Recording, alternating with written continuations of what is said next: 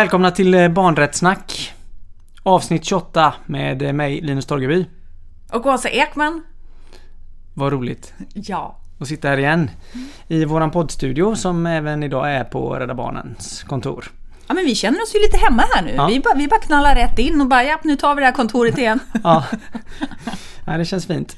Eh, hur är läget? Jo men det är bra. Jag försökte åka tåg igår, det gick inte så bra. Eh, jag kom inte fram. så att, så att, eh, sen har jag inte sovit något i natt heller, men annars är det bra. Jag är skittaggad på det här, det är jätteroligt. Ja. Ja. Hur mår du? Hur Grymt. har du det? Eh, nej men helt okej. Jag ska inte dra den eh, långa varianten här men det har varit eh, ja, men en frustration och ilska och sorg över eh, myndigheters behandling av, av barn som kom och sökte asyl eh, 2015 och vars ärende inte är färdigt än. Och, Nej, det är värdelöst helt enkelt.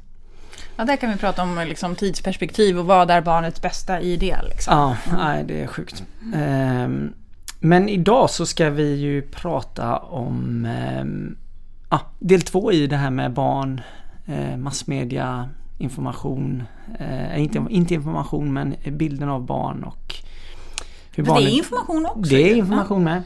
Eh, men, men jag tänkte bara fråga, har du gjort en eh, skoltidning eller en eh, skolradio eller? Kommer du ihåg det? Alltså, jag, min spontanhet bara, nej det har vi aldrig gjort. men, men det kanske vi har, det är bara att jag inte har någon minne av det. Nej. Men nej, nej jag, kan inte, jag kan faktiskt inte komma ihåg någonting sånt. Så, har, har du varit med i eh, något reportage eller? Nej, det kommer jag inte heller någon,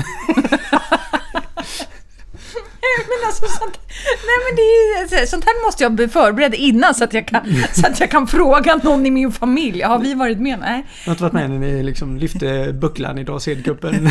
precis. Alltså då är vi säkert, säkert någon sån här Dalslänningen då, den tidningen som var, det är säkert de har spelat fotboll liksom. Eh, Men det är ingenting jag minns. Nej. Nej. Men du Det då? finns ju något sånt mega, det här kommer jag på nu, det finns ju något sånt här eh, tidningsklipparkiv som heter någonting. Nej. där man kan söka på sitt namn och till, tillbaka i, det är visserligen i de stora dagstidningarna. Okej, ja, men där har jag inte varit. Eh, så, men det, ja, Jaha, okej. ja. Det var en, en vän som la upp eh, någon väldigt rolig kommentar där. Och eh, bild på sig själv om citat som hon har sagt när hon var ung så. I eh, någon tidning, jag kommer inte ihåg. Men har du pysslat med skoltidningar och sånt? Tack för att du frågar. Eftersom det har jag verkligen. Nej men jo, jag hade ju en journalistdröm. Jag, jag, Är det sant? Ja, jo, ganska länge faktiskt. Ehm, Vad gick fel höll jag på att säga. Nej men gärna sportjournalist. Ja, alltså, jag. Ja. mm, Där jag skulle kommentera Maradona. Maradona. Nej, men jag kommer ihåg att vi gjorde en, en em, skoltidning när jag gick i sjuan eller åttan, jag tror det var. Ja, någonstans där. Och i, i Frölunda fanns eh, Västra Frölunda så fanns en hockeyspelare som hette Patrik Kahnbäck. Eh, och han var ju ja, en av de st- stora spelarna i laget då. Så tänkte vi att men vi testar att ringa han eh, och eh, fråga om vi kan få göra en intervju. Och då så hade man ju telefonkatalogen på den bara, tiden. bara det. Den Så, och vi bara shit, han, han är med i telefonkatalogen. eh, och så tog det ju en lång diskussion om vem som skulle ringa och vi olade och lottade och kommer inte ihåg. Men jag tänker, var det samtidigt inte så att om det här ändå liksom, han var ändå stor det var ändå typ någon form av slags Ja men att ingen ville, alltså att det inte var slagsmål om vem som skulle Nej, ringa. ja, vi var ju så precis- sjukt nervösa. Ja, ja. Alltså vi var ju så himla nervösa.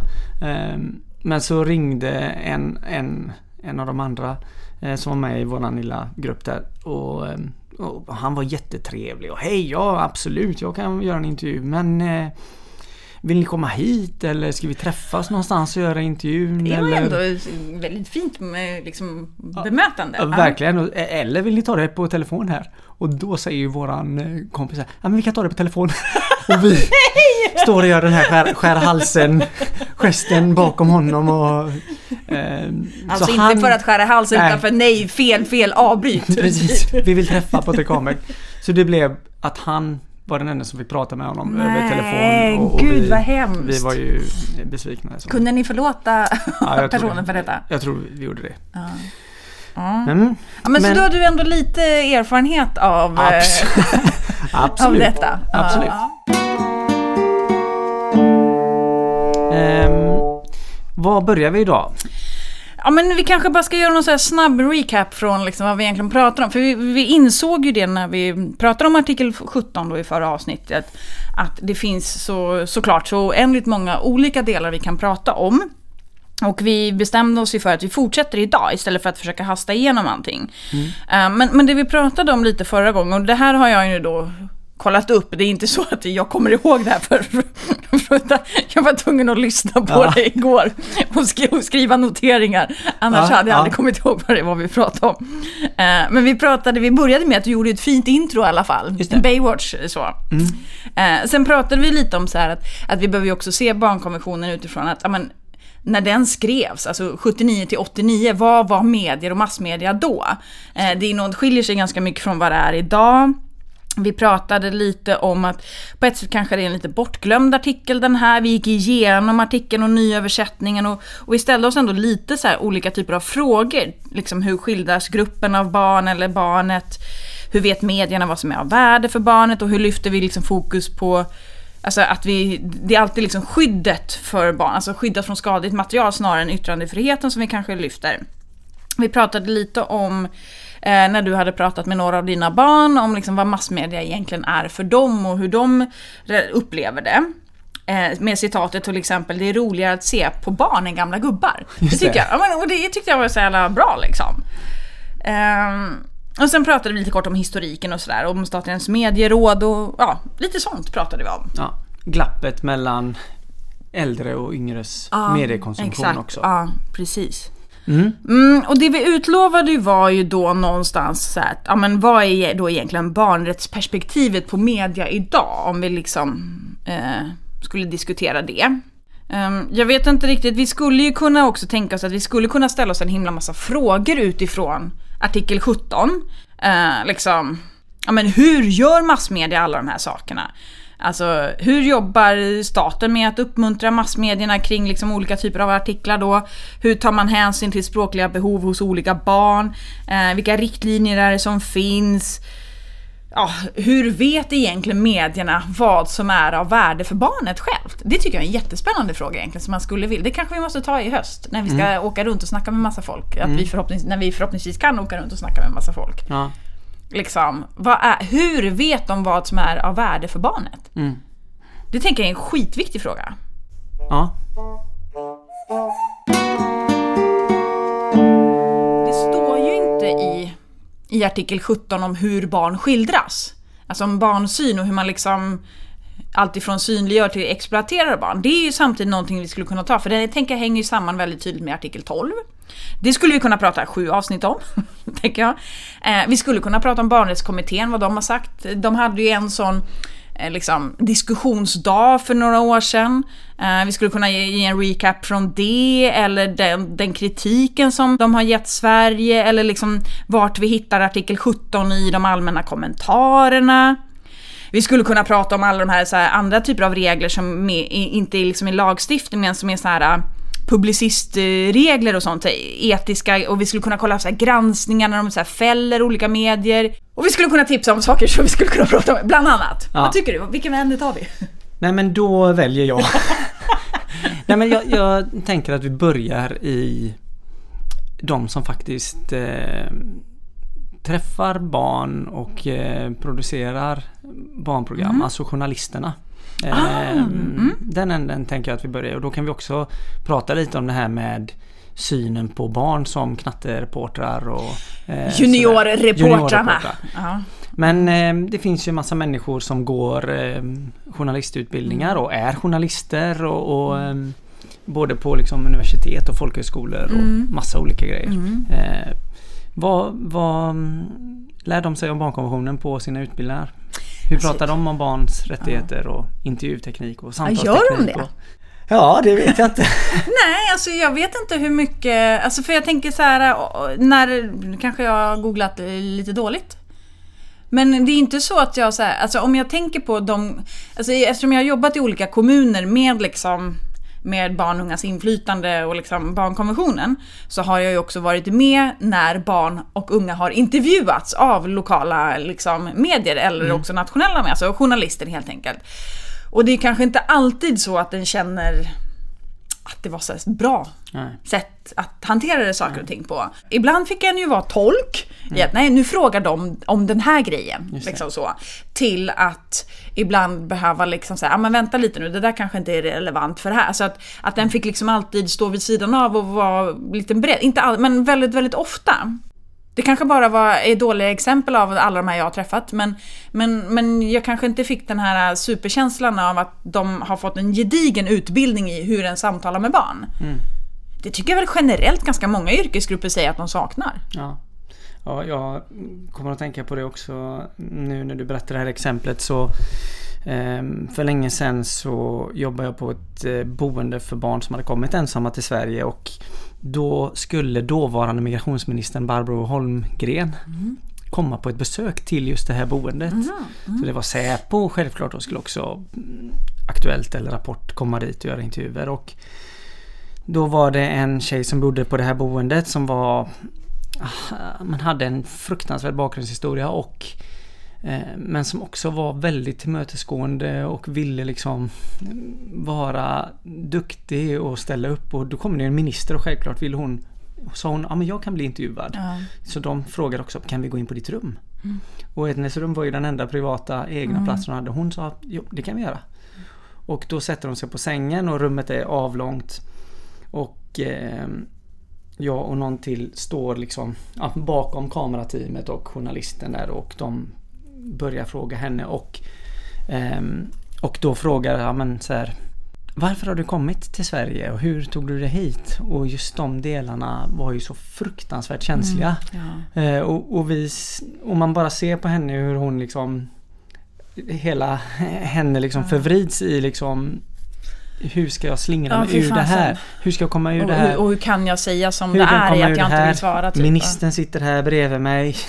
Eh, Det är TV och jag har ju sagt att jag ställer upp. Ehm, Så hon lyckades väl liksom berätta på ett väldigt svepande s- sätt liksom. Men det var fruktansvärt att, att stå där bakom och se det här hända liksom. Vi som tillät det ske men också ehm, att de kanske inte hade resonerat genom Okej men vad är, vad är en rimlig fråga att ställa? Exakt. Ja, men, och, I det läget tänker jag också att det blir så himla viktigt att det är inte så att vi som vuxna bara kan hoppa in i barns liv och ställa massa frågor. Vi måste ju liksom ge dem chansen att... Alltså vi måste ju preppa dem på något sätt. Men framförallt kunna säga att nu kan du säga nej. Du kan när som helst välja att avbryta det här. Mm. Du kan när som helst ångra dig. Alltså det tänker jag måste ju vara en av de absolut viktigaste grejerna man måste inleda med att säga. Ja, det finns ingen fråga som du behöver svara på. Du kan välja helt och hållet själv. Alltså, Mm, Annars så tänker jag att det är så lätt att det då blir de övertrampen utifrån liksom den beroendeställning som ändå barnen befinner sig i gentemot vuxna alltid. Mm, mm. Det kommer jag tänka på en annan grej som var också som där en, i en kommun där hade då anställt ett gäng unga på sommaren, så här kommunutvecklare som hade ett uppdrag och eh, ungdomarna ville själva eh, Ja men någonstans, för de tyckte att det här var ju världens coolaste jobb som de har fått så de ville ju såklart berätta det för liksom, eh, medierna, för liksom radio och tidningar och sådär. Och, eh, så, så då bjöd vi in dem och eh, då hade ju ungdomarna själva kommit överens om så här. Okej, vem är det som ska prata när, var, hur och så vidare. Så att de hade gjort ett schema, de hade gjort upp så här, men vi vill... Eh, alltså de hade lott, de hade, jag kommer inte ihåg om de hade lottat det, men de hade ändå gjort upp så här att okej, ni två och tre, ni ska prata med dem, ni två och tre, ni går dit. Alltså lite så, så att de hade delat upp sig. Eh, så att de hade bestämt innan och de hade också liksom preppat sig själva på lite olika sätt vad de, vad de ville lyfta fram. Och när det då kommer till en av eh, tidningarna som, som då kommer och som vill göra intervju och när jag då tar emot så att ja men så vi skulle vi då vilja prata med ja, två personer. Varpå jag då säger att ja, men nu är det ju så att ungdomarna själva har gjort ett schema, de har beskrivit det här jobbet handlar om de här de här sakerna och de är tre personer som jättegärna vill prata med dig. Ja, nej men det är två. Jag bara, ja men fine, då får jag gå in och då får, liksom, då får de ungdomarna själva avgöra vilka två. Varpå personen i fråga, den här journalisten, tycker att nej men jag vill gärna ha någon som ser ut ungefär så här och så här och som kommer från det och det området. Ja. Gärna någon si och så. Eh, ja, nu är det faktiskt så att det kan inte, det, är, det här är ungdomarna själva som har beslutat vilka de har, har liksom. Så vi står där och dividerar under ganska lång tid. Eh, och han vill inte ge sig den här eh, eh, journalisten. Eh, Så jag blir ganska förbannad faktiskt. Eh, Men, men det är ju också ett sätt att liksom, ja, men att, eh, att inte respektera ungdomarna i det. Jag fattar Nej, men det att finns de, en de- vuxen ja. eh, dramaturgi Mm. eller en och också säkert här kan man ju se mm, till exempel på Bolibompa och de journalisterna, programledarna som är där. Där märker man ju att de har resonerat kring olika Mm. frågor och de tar upp det här med liksom olika barnrättsfrågor på, på olika sätt. Mm. Eh, till då någon som jobbar med eh, våldsbrott kanske eller eh, nyhets... Alltså där det kanske inte alls Mm. reflekteras kring okej men vi träffar ju barn här eller barn berörs av det vi skriver eller Mm. rapporterar om. Och sådär. Ja, men också lite när beskriver du det som barn, när är det som unga och när är det som någonting annat? Ja, liksom. precis. Men det finns ändå lite etiska Mm. eh, principer som en journalist måste på något sätt förhålla sig till. Men där står inte barn med Nej, och det finns ju olika sådana. Det finns ju dels finns det så här publicistregler, eller publicitetsregler. Mm. Och det är liksom etik då för press, radio och TV. Eh, så det är liksom den ena mer liksom lite så här övergripande. Och där är ju både barn rätt osynliga. Det står ju om allmänheten. Men barn är ju generellt ganska osynligt. Din ålder nämns egentligen på ett ställe. Eh, Men inte där jag kanske tycker att det skulle vara relevant. Nej men liksom det står någonstans att till exempel då en punkt att en ska inte framhäva då berörda personens etniska ursprung, kön, nationalitet, yrke, politisk tillhörighet, religiös, religiös åskådning eller sexuell läggning om det saknar betydelse i sammanhanget och är missaktande. Här hade det varit perfekt med att ha med ålder. Just det. Alltså någonstans, jag tycker man slänger ju in ålder hela tiden för att någonstans visa hur ung någon är. Eh, eller för att visa hur mogen någon är. Alltså som att det någonstans åldern ska legitimera om vi ska lyssna på personen eller inte. Det kanske inte är relevant att det är en sexåring som säger någonting. Det är relevant att det är den här personen som har sagt just de här sakerna, inte att det är åldern i sig som är det viktiga. Eh, Så det tycker jag är liksom, ja. Sen så står det ju någonstans att det ska övervägas väldigt noga kring liksom sånt som kan kränka enskilda personers och privatliv. Men barn specifikt nämns ju inte. Så det är den ena då, publicitetsreglerna. Men sen har vi ju också de reglerna som är för eh, journalisterna specifikt. Och det är ju deras då yrkesetiska regler. Och det är väl lite det som jag tänker du kanske är inne på då, liksom både så här, men vilka normer är det som finns på journalistutbildningen, vilken utbildning får de och sådär och hur ska de förhålla sig? Även här saknar vi ju barn. Ehm, men det en kan tänka sig snarare då att vi skulle kunna hitta barn, även om det inte- står barn. Det är till exempel att det ska visas särskild hänsyn mot ovana intervjupersoner. Och en då ska liksom upplysa då den här personen om att, att det är avsett för publicering och så vidare. Eh, Och då kan ni nu tänka kanske att barn är en grupp som är kanske lite mer ovan intervjupersoner än andra. Och då är frågan, hur visar man då den särskilda hänsynen till exempel? Men, men, men det står ju ingenstans någonting om barn. Nej. Och, och här eh, finns det ju journalister som är jätteskickliga också på att filma. Verkligen. Eh, ja, men, jag vet n- när vi gjorde den här mötesplatsen tillsammans för många, många år sedan. Ja, men då var det ju filmaren sa ju det direkt när vi sa att ja, men, här vill vi inte att det ska finnas med ansikten för det är känsligt. Vi sa, men då sa han ja, men det, det förstår jag och så filmade han jättebra på ben och så här, fast ändå levande gjorde att ja, men det är faktiskt eh, Jag menar ta det på Ja, allvar ja, ändå så. liksom. Ja. Ehm, Men eh, jag kände att vi bara hoppade över det här med barnrätt på journalistutbildningar och sådana grejer. För Ja, det är ju, där pratar vi ju överlag att på flera skolor och ja, det, det gäller ju alla stadier på ett sätt men att barnrätt kanske är liksom en tillvalskurs man får ta. Ja, egentligen på vilka ja. utbildningar är det superobligatoriskt moment där du liksom Ja. får lära dig asmycket? Finns det? Vi- Vilka är de? Nej, det är väl det. Ska vi, ska vi grotta i, det kanske Ja, vi ska det- göra, så vi behöver grotta i så här Ja, det kursplaner och sånt. Eller heter det ens kursplaner höll jag på att säga, på universitet och högskola? Jo, men det heter nog. Ja, Ja, det kanske, ja. Men, Men det, vi, eh, kanske, det, vi kanske måste snacka med så här högskolemänniskor Ja. eh, om sånt. Mm.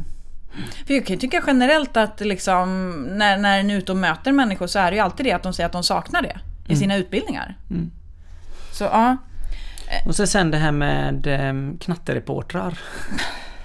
Eller hade du något mer där? Som ja eller jag tänkte, vi kan prata lite om knattereportrar och det begreppet. Men jag tänker också om vi skulle prata om så här hur de... Alltså det finns ju, man kan ju fällas utifrån de här reglerna. Ja.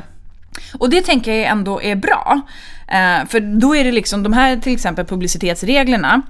Eh, det är inte som lagar, men det handlar ändå om att skydda den enskilda mot olika typer av liksom, publicitetsskador utöver det som liksom vi redan har i olika lagar. Eh, och då finns det ju en medieombudsman och det finns liksom mediernas etiknämnd då som använder de här etiska reglerna när de ska bedöma eller granska. Eh, och då, då, ja, då kollade jag lite. Bara för att kolla lite i den här då, eh, eh etiknämnden eller mediernas etiknämnd om om de har tagit upp ärenden och fält där det handlar om barn. För det kräver ju samtidigt att någon anmäler det. Just det. Eh, och, och, då har jag också kollat hur en anmäler och lite sånt och det är kanske inte Alltså det är kanske inte aslätt för barn att kunna göra det och hitta dit och fatta hur den ska göra. På vissa ställen så står hos medieombudsmannen liksom på den webbplatsen så är det ändå hyfsat synligt. Så här, liksom, klicka om du vill anmäla. Men då måste ju någon först ha berättat att du ska anmäla och sen så står det ja, hur du fyller i och sånt. Det, är liksom, det kanske inte är aslätt. Och det måste ju också stå namn och sånt. Och du kan inte göra det anonymt mm. till exempel. Men det jag tittade när jag kollade under det här året och förra året, och kollade lite också på 2018, de som hade då blivit fällda.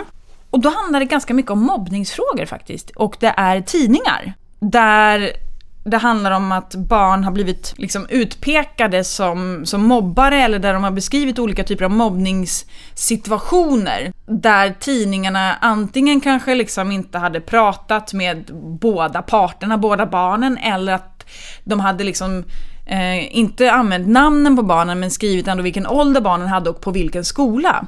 Och när det då rör sig kanske om en långvarig konflikt, ja men då fattar ju typ alla på den skolan vilka det är och kanske också är det på ett litet ställe så förstår, är det fler än de som är på den skolan liksom. Mm. Så det här är de, så de hade blivit fällda. Eh, och då står det ju just att att det är med hänsyn till liksom barnens unga ålder och så vidare så är den här liksom oförsvarlig, den här typen av skada som det här faktiskt ger barnet. Och det tänker jag, det är ändå så bra eh, att det här finns. Men sen är frågan hur hjälper det barnet i frågan när de redan har klantat sig? Mm. Och kopplat till det här hörde jag en journalist som har gjort den här serien som har eh, den här dokumentärserien och mm, vad heter den? Bortrövad Bortrövad som ett barn? Nej, nej vad Att rädda ett barn? Att rädda ett barn. Eh, där, där han just fick frågan av, eh, jag tror det var på, på eh, studiet på P1 att eh, ja men hur, hur har du resonerat kring att liksom publicera ännu mer kring just det här barnet och, och um, eftersom det här barnet redan har varit så um, liksom, exploaterat eller ute i media på, av, av olika, på olika sätt.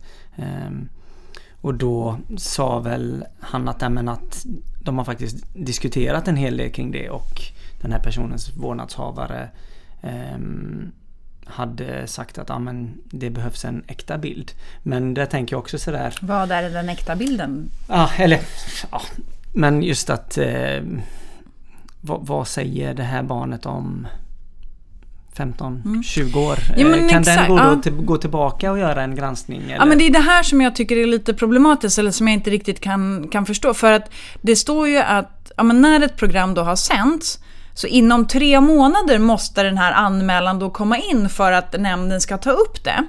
Om det inte finns särskilda skäl. Men de här särskilda skälen beskrivs som eh, typ allvarlig sjukdom eller om personen har suttit liksom häktad typ. Mm. Inte att personen i fråga har varit ett barn. Så då är frågan liksom, hur kan ett barn, precis som du säger, kan ett barn gå tillbaka då? Och då kommer vi återigen till liksom så här, men klagorätten för barn, hur, den är ju ganska mm. obefintlig höll jag på att säga mm. i Sverige. Mm. Jag tänker det är en skitviktig fråga jag tycker, nu kommer jag tänka på, nu känns det som det blir jävligt rörigt här. Jag, hoppar bara, jag kommer på en massa exempel. Eh, jag satt i Rädda Barnens riksförbunds styrelse i många år. Och eh, vid ett av de tillfällena så gjorde vi en styrelseresa och vi var i Zambia. Och eh, när vi var i Zambia, nu kommer jag inte ihåg i vilken stad det var vi var. Men det kanske var i Lusaka. Ja, skitsamma. Vi var i alla fall någonstans där vi då fick träffa, där de hade ett nätverk, alltså en grupp barn och unga som själva granskade medierna. Eh, alltså mm. de lokala tidningarna och den här gruppen barn och unga, det var inte så att de satt på sin kammare enbart och granskade och liksom såg hur de skulle vilja... Alltså, och det var ju, handlade väldigt mycket om synen på barn, hur man beskrev barn. Så det de gjorde var ju också att de utbildade journalister i barnrätt och om hur man kan liksom ha en respektfull attityd och syn på barn och unga. Mm. Så att de gjorde det. Och jag kommer ihåg, jag var så jävla peppad, när vi, det här är ju jättemånga år sedan. Eh, så jag var så jävla peppad så att jag försökte då ta med mig den här tanken till den kommunen där jag var. Så att jag försökte liksom prata med, med liksom de lokala medierna och säga bara, kan vi inte göra det här? Kan vi inte liksom, ni behöver inte göra det så att det är liksom ett treårsprojekt. Vi kan väl göra det liksom i mindre skala då, liksom pröva på. Mm. Men det var lite så att, nej men jag förstår inte vad barnen skulle kunna lära oss. Ja. Man bara, jo jag, jag, kan berätta allting om du vet. Men det, eller inte allt, men det är ju jättemycket som de kan, alltså, det handlar ju om ett utbyte liksom. Mm. Bara, nej. Om de vill kan de få skriva en kolumn. Mm. Man bara, fast nej. Det handlar ju om att se hur, alltså barnets perspektiv på vuxnas perspektiv. Liksom. Ja. Ja, och, det, och, och, det var ju det som de mina barn nämnde precis det att man vill ge sin input och ta med barns input mm. på frågor som är reella för alla. För att där kan man ju känna ibland då det säkert bättre med just det här med knattereportrar att ja, men det blir som att ja, men ni ska skriva för barn på ett barnsligt sätt om en barnslig sak. Alltså det blir lite uppdraget som de mm. får liksom istället för att um, Ja, nu hårdrar jag det lite. Ja. Men, Eller så är det vuxna som har skrivit frågorna och ja, gjort allting. Ja, och barnen läser alltså upp det. Det, det, det. finns, det finns eh, utmaningar med det. Mm. Mm. Jag måste fråga en till grej som vi inte har pratat om. Jag tänkte på det här med fällningar i granskningsnämnden. För att nu är vi ju inne och pratar på de här traditionella medierna som mm. vuxna kom, mm. heter det, konsumerar väldigt mycket. Mm. Men jag tänker på Youtube då till exempel. om eh, för där finns det ju liksom långa 10 minuters klipp när barn blir rädda för att de blir skrämda av papegojor och giraffer och mm. har jag hört talas om, jag har aldrig sett det själv. jag har aldrig njutit av att se ett barn bli jagad av en anka. Nej men Nej men eh, Det här är det ju inte heller eh, För jag menar det tittar ju andra barn på. Och det här kanske är Om man då säger en liten oskyldig del av detta liksom. Men eh, Men det finns ju också liksom Alltså barn som porträtteras i Sociala medier och, och där det försvinner efter två Två um, Mm. Dagar mm. eller vad det är liksom. Klippet eller bilden eller vad det är. Kan, kan de anmälas till granskningsnämnden? Vet vi det? Eller nej, men det är inte, det? nej, utan då är det ju alltså, men det finns ju en medieombudsman. Uh, så dit kan han ju vända sig, men det är ju också viss reglering och sen handlar det också om, är det utländska medier eller liksom tv-program eller, eller alltså, då går det liksom via deras, då är det liksom via någon sån här brittisk satellitgrej liksom. Så att det ser lite olika ut och det här är ju rätt omöjligt för barn kanske att navigera i liksom. Ja. Du kan ju alltid uh, så här klicka. Liksom, det finns ju alltid en sån markering, liksom anmälsmarkering på, på mm. sociala mm. medier. Ja. Uh, så, så det finns ju och är ju oftast, de har ju liksom upplever jag ändå mm. barn och unga koll på. Men jag tänker, det, det, finns ju ganska många aspekter i det här som jag tänker som inte är information som är tillgängliggjord för barn. Ja. Uh, liksom, hur gör jag till exempel? Alltså hur gör jag om jag faktiskt skulle vilja anmäla någonting som är mer än klicka på knappen anmäla liksom. Mm. Mm. Uh, och bara det tänker jag också, kommer tänka på om vi nu pratar så GDPR till exempel, som ja. vi alla älskar så mycket. Ja. uh, hur är det tillgängliggjort för barn i huruvida olika appar och olika liksom medier sparar eh, information om barnet, alltså datalagring. Alltså hur är mm. den information, alltså hur är GDPR tillgängliggjord för barn? Just det. Hur kan en sjuåring förstå GDPR? Ja. Alltså ja. jag tänker, det här, det här ingår ju också i den här grejen liksom. Mm. Mm. Ska, ska, vi säga någonting annat av det som, eh, mm. som finns på listan? Yes. Som, som vore kul att prata om? Eh, som kanske lite så avslutning, men då vet jag inte vad det ska vara, för det är så många grejer. Um, men vi kanske bara måste säga, innan vi avslutar måste vi säga, men barnrättsperspektivet på media, vad skulle det egentligen kunna vara? Eller det är ju det vi pratar om, men mm, vi kanske ska ta upp vi kanske ska säga någonting om vad barnrättskommittén tycker mm. och tänker. Eller kanske kritiken till Sverige kanske ja. vi ska säga någonting om. Eh, och då handlar det mycket om att den kritiken som de fick 2015 var bland annat om, alltså det handlar ganska mycket om att utbilda barn, eh, men också lärare och sådär och familjer i både eh, mycket skydd, fokus, hur kan barn skydda sig själva, eh, att utsättas från liksom skadlig information och sådär. Eh, men också att barn behöver få mycket mer kunskaper om allvarliga konsekvenser kring nätmobbning. Men också att det ska vara eh, stärka liksom de här mekanismerna som finns för övervakning och när det handlar om kränkningar av barns rättigheter. Att vi liksom behöver bli bättre på de grejerna, ta tillvara på det. Kritiken 2009, 2009 handlade ganska mycket om att man var glad över att Sverige nu då hade liksom antagit en ny lag kring liksom att kriminalisera vuxnas liksom approchering av barn på nätet. Eh, men att de tyckte samtidigt att Sverige måste göra ännu mer för att liksom säkerställa att den här lagstiftningen efterlevs och så vidare. Och om man tittar tillbaka ännu mer så har det kanske handlat ganska mycket om våld. Mm. Alltså att skydda barn från liksom olika typer av våldsskildringar och att liksom på TV att det här sker när barnen, eller i anslutning till program som är för barn, eller liksom att det läggs så tidigt på kvällarna. Sen kan jag tycka mig lite att det har skiftat mot kanske mer kring liksom pornografi, alltså den typen av material kontra förut när det var liksom andra typer av våldsskildringar. Mm. Eller det är nog i alla fall när jag försöker så här jämföra de olika. Men det är ändå ganska mycket fokus på skydd fortfarande. Ja. Och inte så mycket fokus på liksom hur eh, liksom barnets rättigheter kan stärkas liksom generellt inom medierna. Mm. Mm. Blev det flummigt? Nej, nej, nej men det, det är ju... Det är ju... Um, och här slänger jag in ett... Får jag slänga in ett filmtips eller eh, hade du något mer från Barnrättskommittén där? Nej, jag kan prata länge om det men vi skiter i det, kör på. Nej men... Eh, för här tänker jag liksom om, om barn som producenter av media men också som liksom vilken eh, bild som ges av samhället och mm. också sådär. Mm. Och inte även bara liksom inte bara liksom media men även det kan ju vara liksom lokalpressen eller kommunens hemsida. Ja. Alltså massa, alltså där. Och där finns en film som heter Amatörer. Som är fantastiskt bra som handlar om eh, tre, tre barn som ska göra kommunens säljfilm. eh, jag tror att den, den har nyss legat ute på SVT Play men den är fantastiskt bra för den handlar just om vem är det som beskriver verkligheten och sådär. Eh, hur ser den ut? Vad är det som Coolt. säljer? Och hur ska man beskriva våran lilla kommun. Alltså apropå mm. det här med mm. barns eh, representation och bilden av ens hemort. Mm. Hur, hur den faktiskt också påverkar eh, barn jättemycket. Och det, vet, det har vi pratat i något annat avsnitt uh. tidigare om ja, men mitt område beskrivs som ett stort problem. Eller ja men det tycker jag oftast att barn kan lyfta. Att det är ett problem att man skildrar vissa typer av områden. Alltså att en, en förstärker olika typer av stereotyper eller liksom bilder eller fördomar om allt ifrån om olika grupper av barn till eh, områden och så vidare. Mm. Eh, Mm, ja, men det finns ju många, men då tänker jag också på så här, det som är lite spännande om man nu det som en av de här serierna som barn själva upplever igenkänning kring mm. eh, och som liksom blev så gigantisk var ju norska serien Skam. Ja.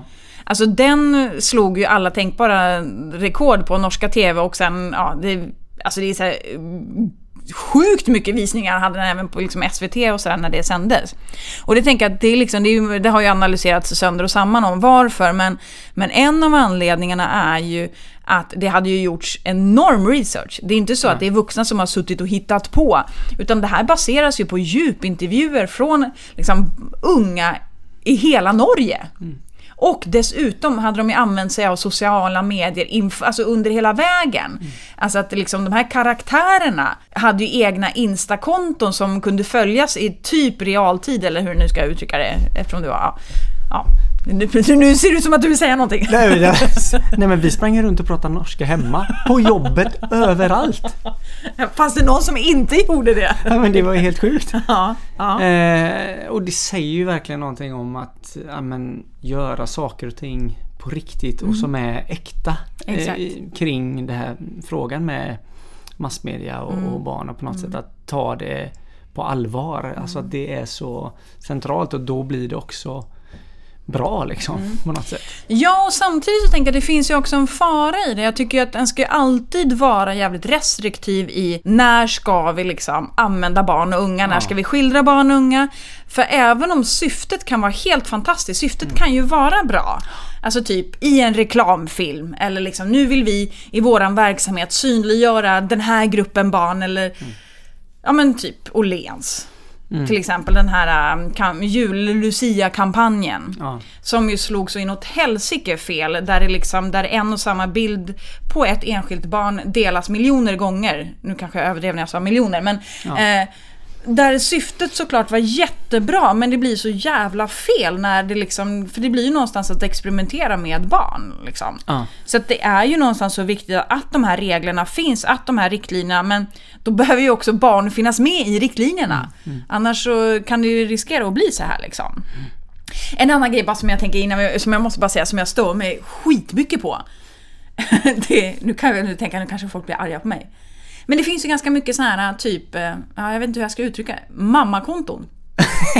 mammakonton? ja, inte mammakonton generellt, men, men alla de här de som ska liksom skriver om hur förjävligt det är att ha barn. Eh, och mm. liksom som ska ironisera över saker som barn gör, att det ska liksom Ja men det ska garvas åt det barn säger och gör på ett sätt som inte är som bara inte är okej. Det är fan inte, det är så jävla respektlöst. Och de här kontona har ju, det, det finns ett par så specifika som dyker upp i mitt så flöde hela tiden. Eh, som jag blir jävligt förbannad på varje gång jag ser. Och jag ska inte ens läsa upp något exempel för att jag blir bara irriterad. Men det är ju också så att hur skildrar vi barn? Alltså hur beskriver vi barn? Vad, vad är syftet med en sån grej? Att folk ska garva åt barn? Och att man ska göra sig rolig på barns bekostnad liksom. Jag var ju tvungen att självrannsaka mig själv när du sa det här sist, bara oh, nu har jag gjort det.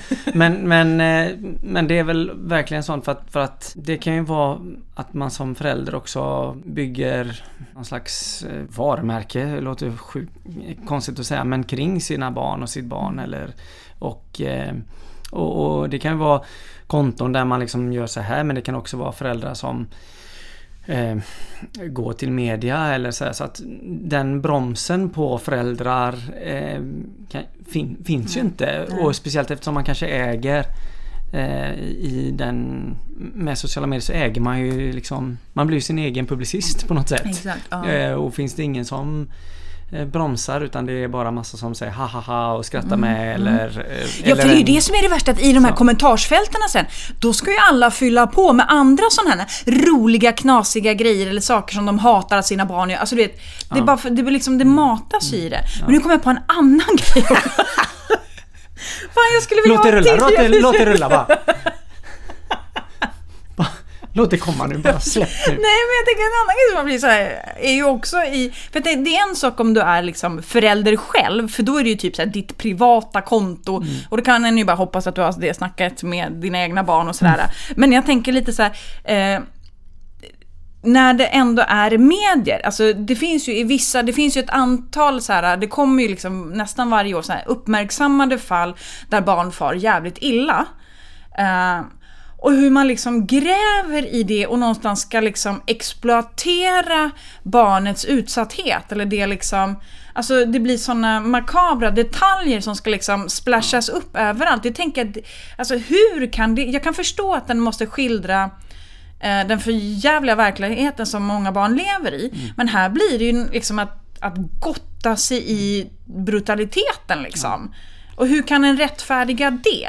Alltså det är ju sådana saker som jag funderar, hur resonerar den kring liksom, barnets bästa i de lägena? Mm, ja, och, och, där har det ju varit uppmärksammat förra året kring det här med poddar som har ja, mord och rättegångar mm. och mm. kriminella mm. fall.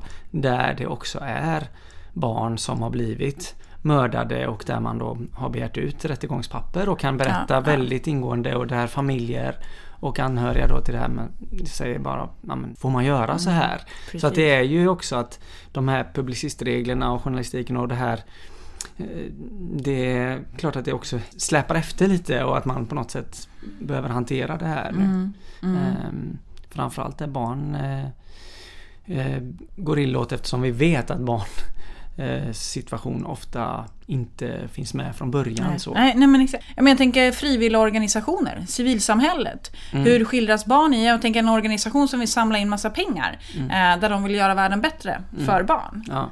Men hur syns och visas barnen i de reklamfilmerna? Hur beskrivs barns situation? Ja. Alltså, där tänker jag, har, finns också ganska mycket att önska eh, hos många. Ja, verkligen. Det, fin det, finns mycket i detta och, och någonstans så är det ju att eh, de här barnen då som är man säger, mest utsatta, de Mm. är ju ofta längst ifrån att kunna göra Ja. den här anmälan till eh, granskningsnämnden. Alltså där är det ju ganska många delar som Mm. är kanske viktigare eller mer prioriterade att, att för dem att liksom överleva och klara av sina Mm. Ja, men exakt. Ja. massa Men om vi ska vi sen, för nu har vi ändå, vi, även om vi inte har liksom benämnt det som barnrättsperspektiv så är ju de här tankarna och frågorna är ju egentligen Ja. barnrättsperspektivet. Men om vi liksom ska summera det på något sätt så är det ju återigen som vi liksom brukar upprepa, men tänk artikel 2, 3, 6 och 12. Liksom, om vi utgår ifrån dem, sen får vi gärna bygga på med artikel 4, 19 och 42 och sådär också. Men det blir ju ändå att ställa sig frågor kring så här, vilka barn är det som nås av informationen idag? Vilka är det som har tillgång till det här specifika mediet liksom? Eller informationen? Eh, liksom, vilka barn är det? Olika grupper av barn behöver olika typer av information och nås på olika sätt till exempel. Men en kan ju också tänka sig liksom representation både när syns barn i media eh, men också vilka barn är det som syns inom gruppen barn. Liksom.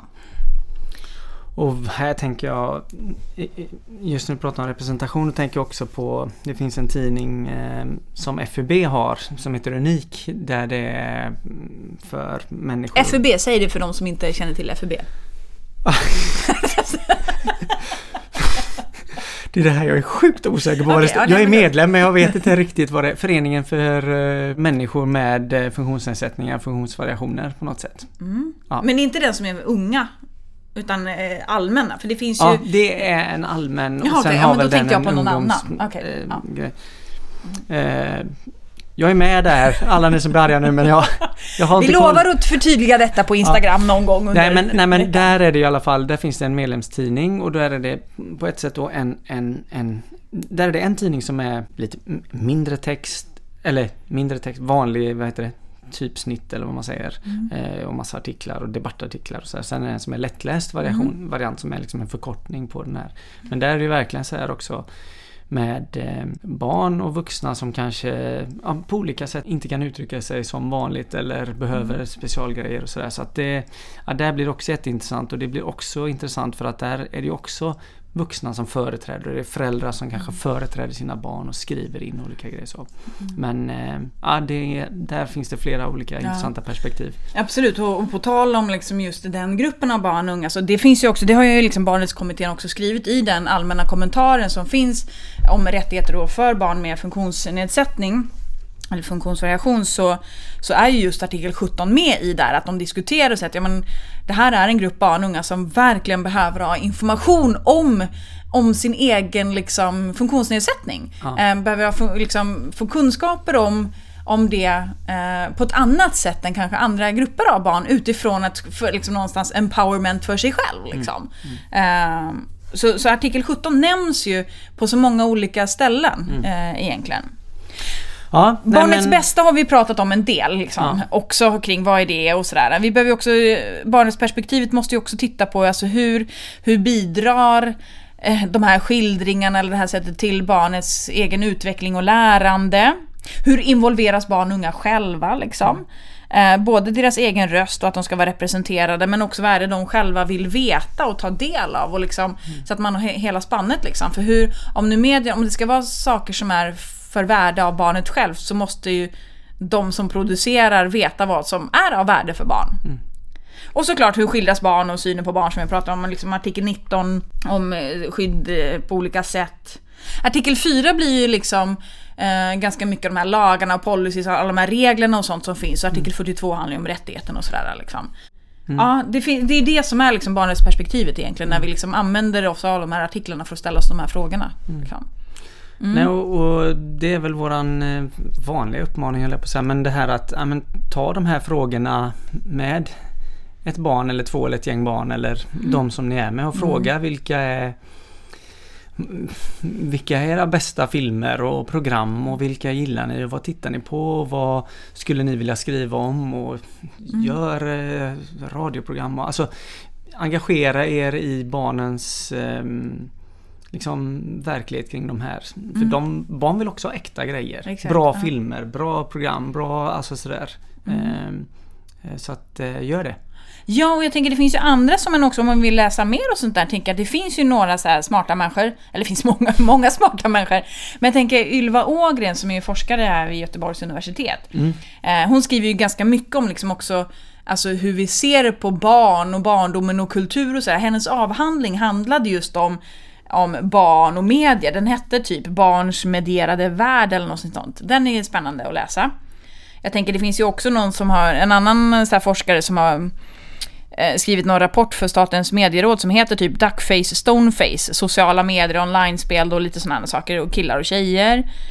Det finns, pågår ju också, vi har faktiskt inte pratat något om det som, alltså skärmtid inom citationstecken. Nej. det sa du med en suck. Men jag tänker, det behöver inte vi säga någonting om för att det, det pågår en forskning om det här. En studie som ska vara klar, jag vet inte om den har blivit klar, men den ska vara klar någon gång under det här året i alla fall. Om hur småbarnsfamiljer använder sig av paddor och sånt här för att se liksom hur, hur påverkar det de yngsta barnens eh, sociokognitiva utveckling. Thank you Lord for the iPad. Och sen Elsa Dunkels måste vi också tipsa om, eh, om unga och nätet och sådär. Henne kan den följa på Insta. Ja, ska vi... vi har gått över tiden! Jag, ska- ja, men jag ska ge dig en läxa till nästa gång tänkte jag nu. Åh nej, vad Apropå jobbigt. vad vi pratar om idag. Jag tänkte att du ska eh, få gå hem och eh, söka upp eh, fem svenska YouTubers.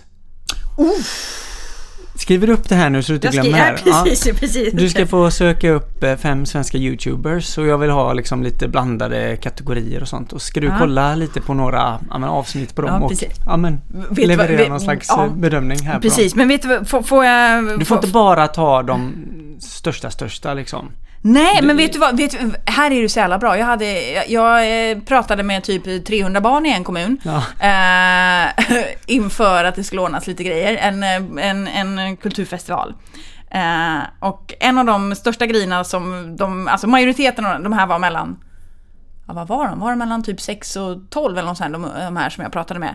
Eh, de ville ju att ju, en jävla massa YouTubers. Och det var ju, det var ju människor som jag aldrig hört talas om. Ja, ja. Så att jag tänker, jag har en jättelång lista, jag kan gå igenom dem.